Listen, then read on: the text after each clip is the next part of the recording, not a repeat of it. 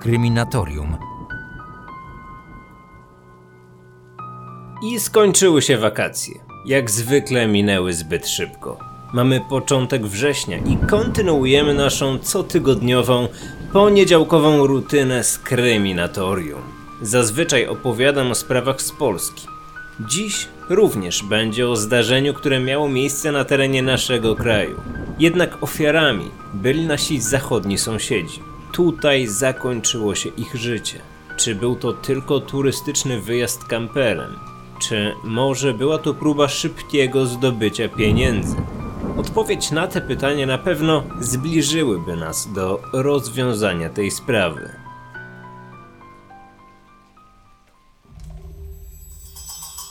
Kryminatorium. Otwieramy akta tajemnic. Wiosna 2012 roku była w Polsce szczególną porą. Wszystkie oczy skierowane były na przygotowania do wielkiego wydarzenia sportowego Mistrzostw Europy w piłce nożnej. W 2012 roku gospodarzami tej imprezy były Polska i Ukraina. Budowanie dróg, hoteli, przebudowa portów lotniczych i dworców, otwarcie stadionu w Poznaniu czy Stadionu Narodowego w Warszawie. Każdego dnia media informowały nas o trwającej na terenie całego kraju wielkiej budowie. Nie szczędzono też środków na zaangażowanie blisko 10 tysięcy policjantów do zabezpieczenia mistrzostw, a także na zakup kilkuset pojazdów przeznaczonych do zadań specjalnych. Na pewno pamiętacie ten okres. To były niezapomniane chwile. Wspólna ekscytacja tym wielkim sportowym wydarzeniem udzielała się każdemu. Wiosna 2012 roku to także szczególny czas dla pary niemieckich turystów. Emerytowany pracownik zakładu ubezpieczeń, 61-letni Peter i o rok od niego starsza była księgowa, Zilke. Para świeżo upieczonych emerytów wzięła ślub dopiero po 20 latach związku. Posiadają czerwony samochód kempingowy, tak zwany camper, którym wyruszają w podróż na Sycylię. I taki też mają plany na resztę swojego życia. Podróże kamperem po całej Europie. Ci ciekawi świata ludzie na co dzień mieszkają w Hamburgu, ale nie lubią przesiadywać w jednym miejscu.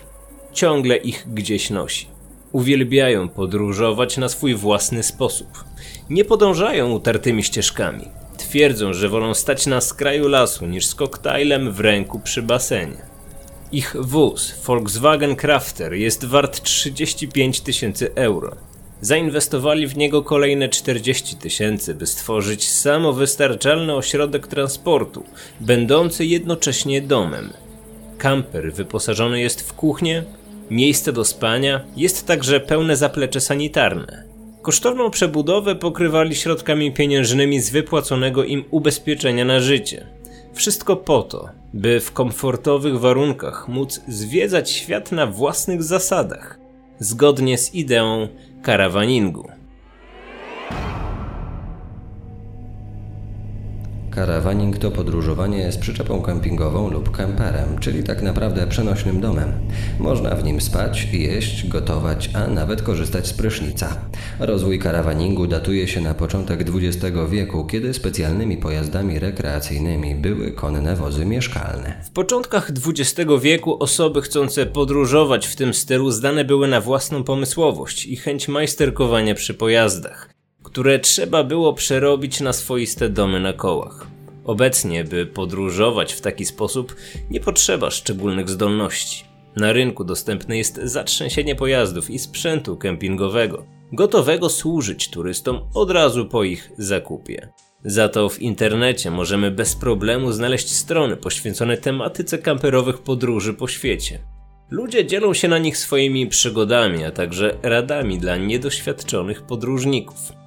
To tyle, jeżeli chodzi o definicję karawaningu. Teraz wracamy do ciekawych świata bohaterów dzisiejszej historii.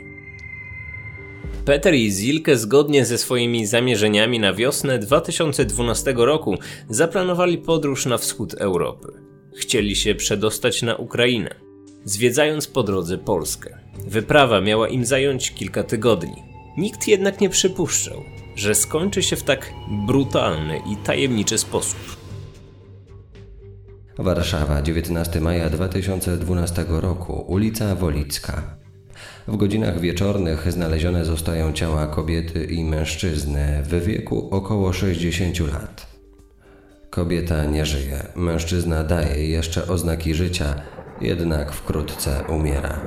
Raczej w odludnym miejscu znajdującym się w pobliżu ogródków działkowych i jeziorka Czerniakowskiego spacerowicze odkrywają zmasakrowane zwłoki kobiety leżące obok kampera.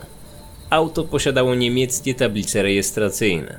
Przechodnie natychmiast zawiadamiają policję i pogotowie.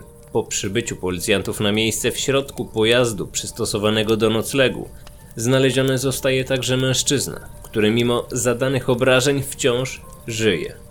Niestety w drodze do szpitala umiera. Śledczy pozostają z zagadką, kim byli znalezieni ludzie, co robili w tak odludnym miejscu i rzecz jasna w jaki sposób i przez kogo zostali zabici.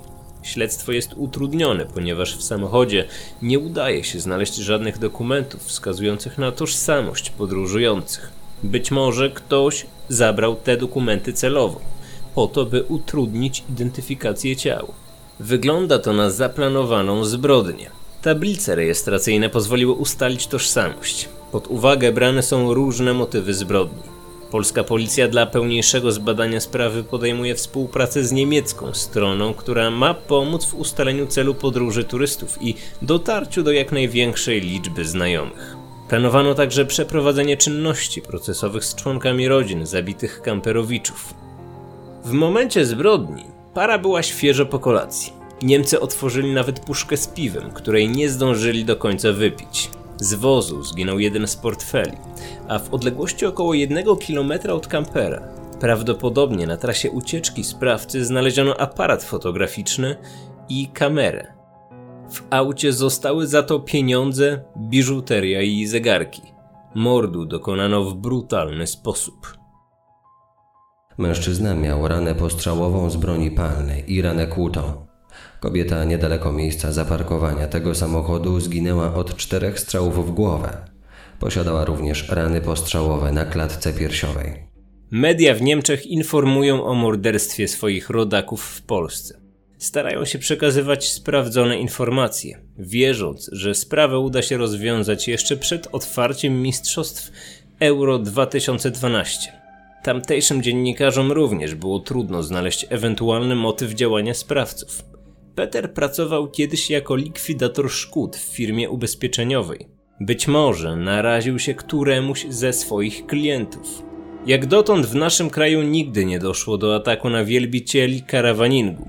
Zagraniczni turyści często wybierają nasz kraj na tego typu podróże ze względu na niskie zagrożenie zamachami terrorystycznymi. Mówią, że czują się u nas bezpieczniej niż na przykład w Paryżu lub w Barcelonie.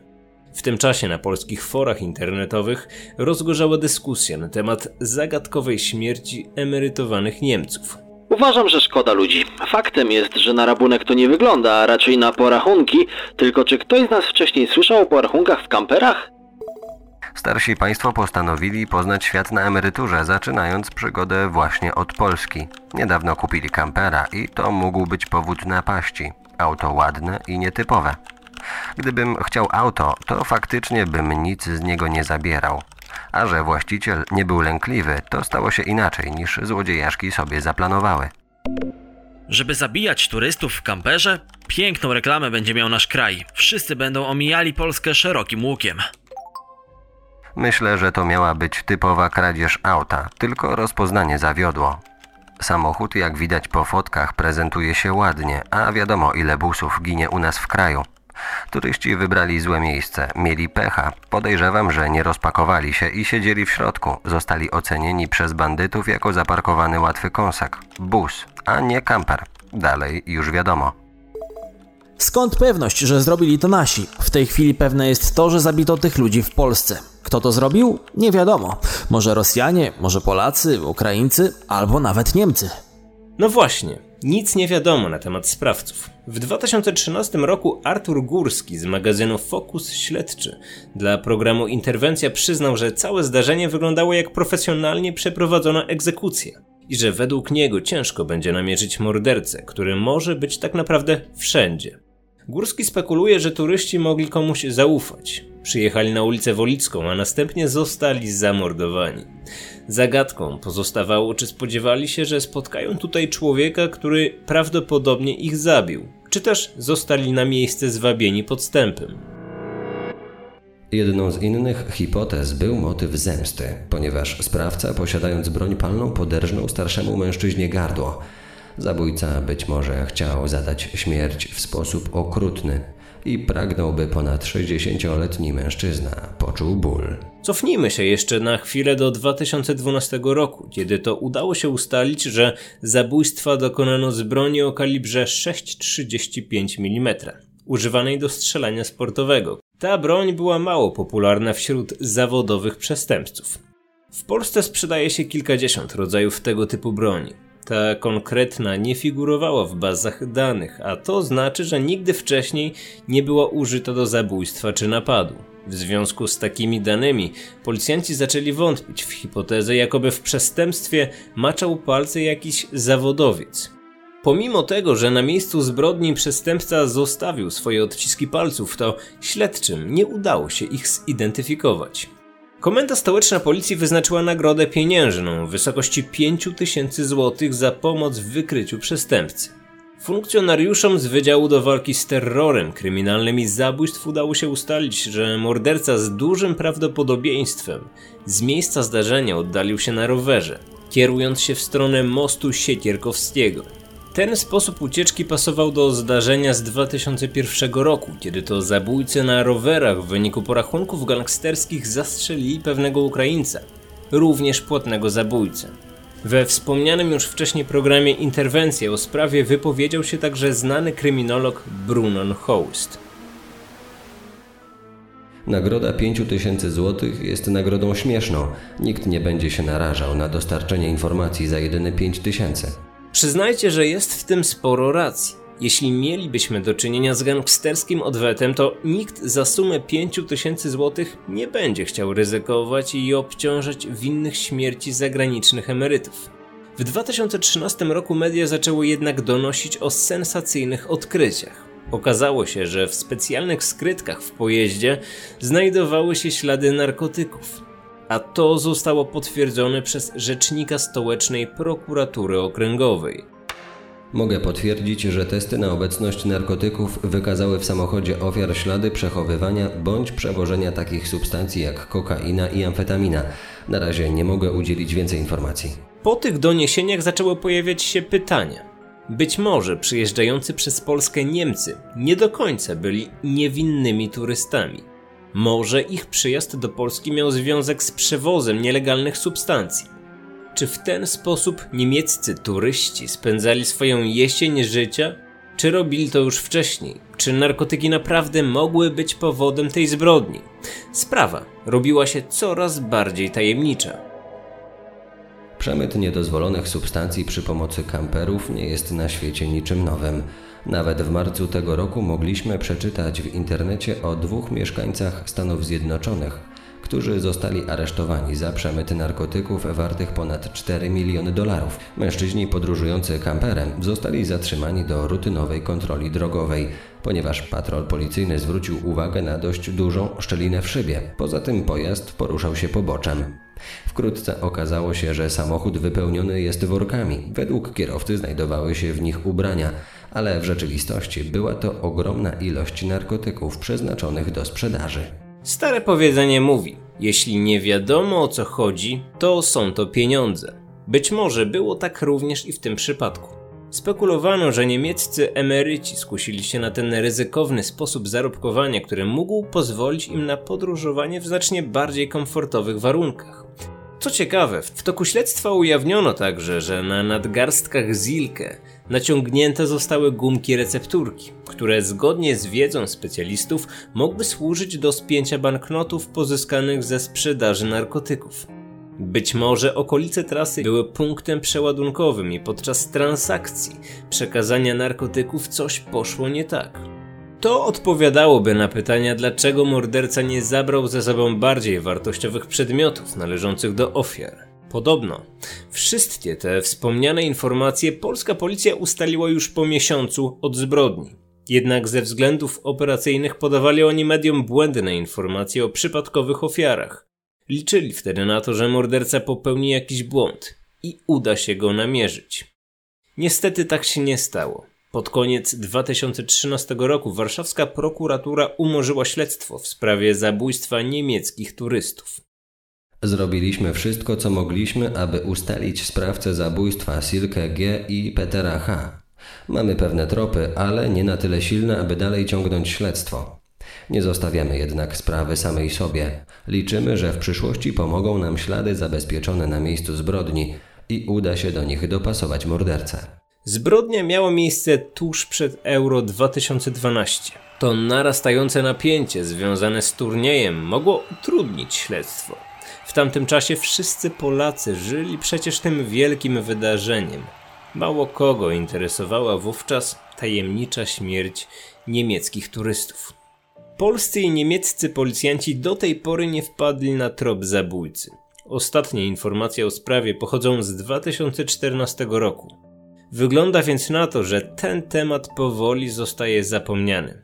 Dlatego też postanowiłem go odświeżyć w tym odcinku Kryminatorium. Pogrzeb niemieckiej pary odbył się w sierpniu 2012 roku pod Hamburgiem. Na kameralnej uroczystości pożegnalnej pojawiło się około 50 osób. Prochy spoczęły w cichej, leśnej okolicy. Przyjaciele Petera i Zilke wypowiadali się o nich w ciepłych słowach. To byli wolni ludzie, byli miłośnikami przyrody i kochali naturę.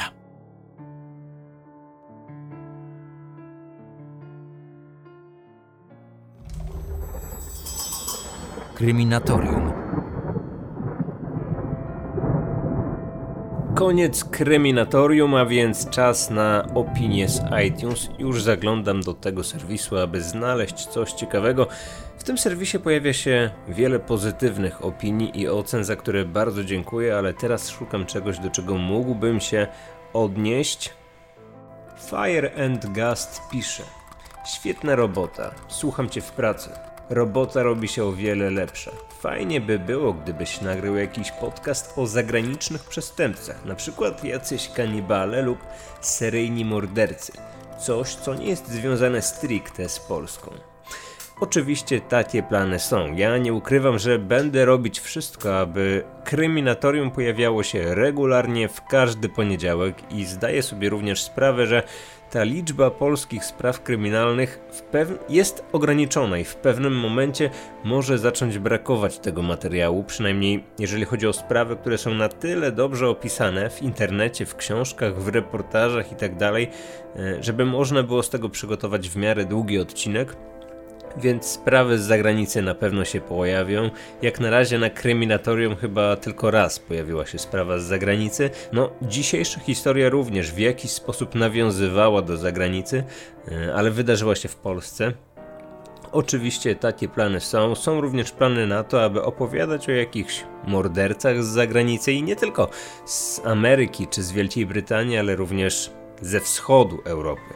Taki jest plan na najbliższe miesiące, jednak na razie zamierzam skupić się na sprawach z Polski, nad którymi pracuję przez ostatnie tygodnie.